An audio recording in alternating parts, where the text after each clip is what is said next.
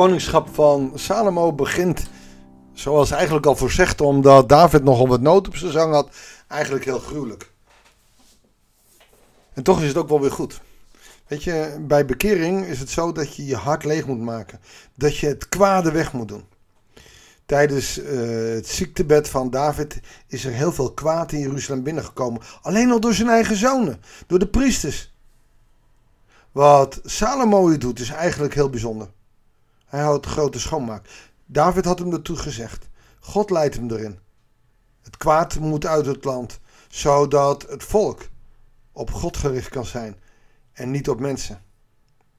Dit verhaal is niet alleen maar een verhaal van toen, maar leert ons ook dat wij ons leven vrij moeten maken van alles wat verkeerd is. Gedachten, daden, moeite, zorg. Probeer alles wat in de weg staat voor Jezus liefde ook echt uit de weg te halen. Goeiedag, hartelijk welkom bij een nieuwe uitzending van het Bijbels Dagboek. We lezen in het eh, boek van de Eerste Koningen, hoofdstuk 2, de versen 26 tot en met 35. We gaan door met het verhaal waar gisteren Adonia is omgebracht. Tegen de priester Abjatar zei de koning: Ga terug naar An Anatot. Naar uw eigen landerij. Eigenlijk verdient u de doodstraf. Over deze keer zal ik het u niet terechtstellen. Omdat u de ark van God, de Heer, voor mijn vader David uit hebt gedragen en alle ellende met hem hebt gedeeld. Salomo ontzette Abjatar uit het priesterambt en liet zo in vervulling gaan wat de Heer in Silo over Eli en zijn familie had verkondigd. Daar zou het priestergeslacht eindigen. Weet je, als God wat zegt, dan doet hij het ook echt. Ook al gaat dat een paar geslachten verder. Toen Joab hiervan hoorde, je weet wel waarvan David had gezegd, hij mag niet oud worden, vluchtte hij naar het heiligdom van de Heer, greep de horens van het altaar vast. Dat is nogal wat. Dat is niet de ark, maar het is eh, in het voorportaal het, de offerplek. En er zitten vier, aan alle hoeken zitten zeg maar een soort horen vast. En aan die horens uh, bindt hij zich vast. Je kent wel dat beeld. Ik moest er een heel gekke metafoor gisteren gaan denken. Uh, vier mensen hadden zich aan elkaar vastgeketend op een weg in Frankrijk en de tour moest stoppen. Maar nog veel heftiger is hoe mensen uit protest, Greenpeace bijvoorbeeld, zich op de gekste plaatsen vastbinden. Zodat uh, het werk of bepaalde dingen niet door kunnen gaan.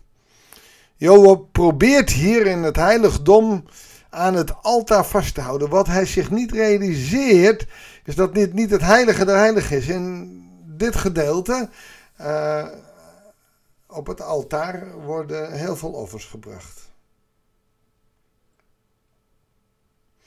Job is verschrokken waarom hij heeft Adonia gekozen en niet voor Salomo. Hoewel, staat hierbij, hij had Absalom niet gesteund. Men vertelde Salomo dat Joab toevlucht had gezocht met het heiligdom van de Heer en zich daar aan het altaar had vastgeklampt. Salomo gaf Benaja de opdracht hem ter dood te brengen. Benaja ging naar het heiligdom van de Heer en zei tegen Joab: De koning zegt: Kom naar buiten. Nee, antwoordde Joab, hier zal ik sterven. En dat kan Benaja niet zomaar doen, want het is het heilige, het is het huis van God. En daar wil je geen bloed vergieten. Tenminste, zo denkt Benai en dat is op zich goed. Salomo echter denkt er anders over.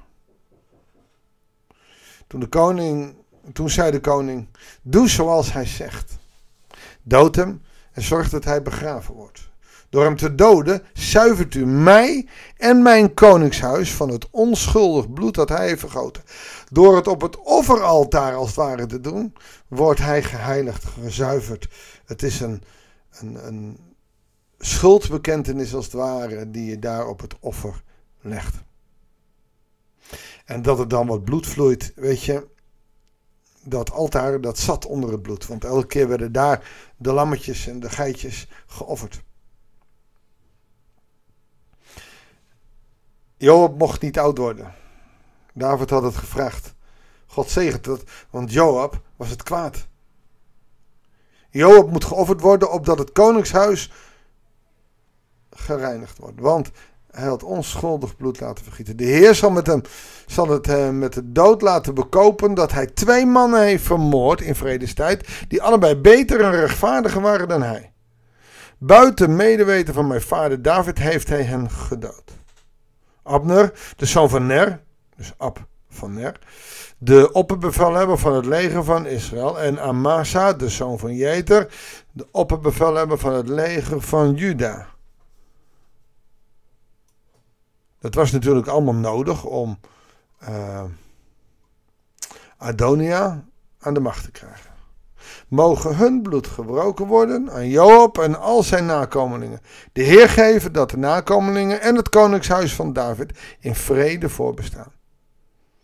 Benaja ging terug naar Joab en bracht hem te dood. Hij werd bijgezet in het familiegraf in de woestijn. Die eer krijgt hij dan nog wel. In Joobs plaats werd Benaja, de zoon van Jojeda, de koning, tot koning benoemd tot opperbevelhebber van het leger. De priester Sadok was benoemd in de functie van Abjatar.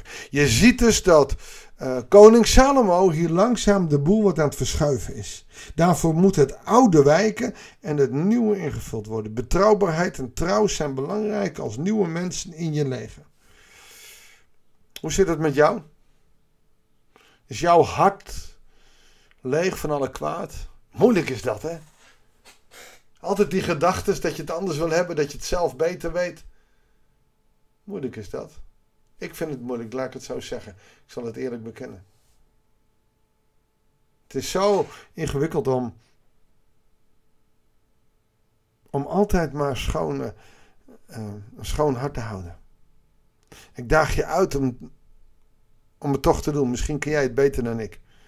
En zorg dan als het kwaad eruit is dat het goede erin is. En bij ons hoeven dat geen priesters te zijn of opperbevelhebbers. Bij ons is dat de Heilige Geest. Zullen we samen bidden? Of die Heilige Geest intrek wil nemen in ons hart. En geef hem dan niet een zolderkamertje, een, een slaapkamertje. Maar geef hem dan, ook al lukt het niet je hele hart. Maar geef in ieder geval de hal in de kamer. Zodat als het kwaad voor de deur staat. Jezus er als eerste bij is. Als je hem in een zolderkamertje doet, dan is dat een mooi schoon kamertje. Maar dan nog kan het kwaad binnenkomen. Geef hem de grootste plek, maar het liefst je hele hart.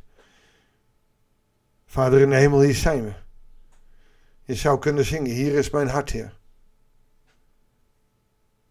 Neemt u het over. Neemt u intrek in mijn hart, in ons hart. Wil regeren in ons leven.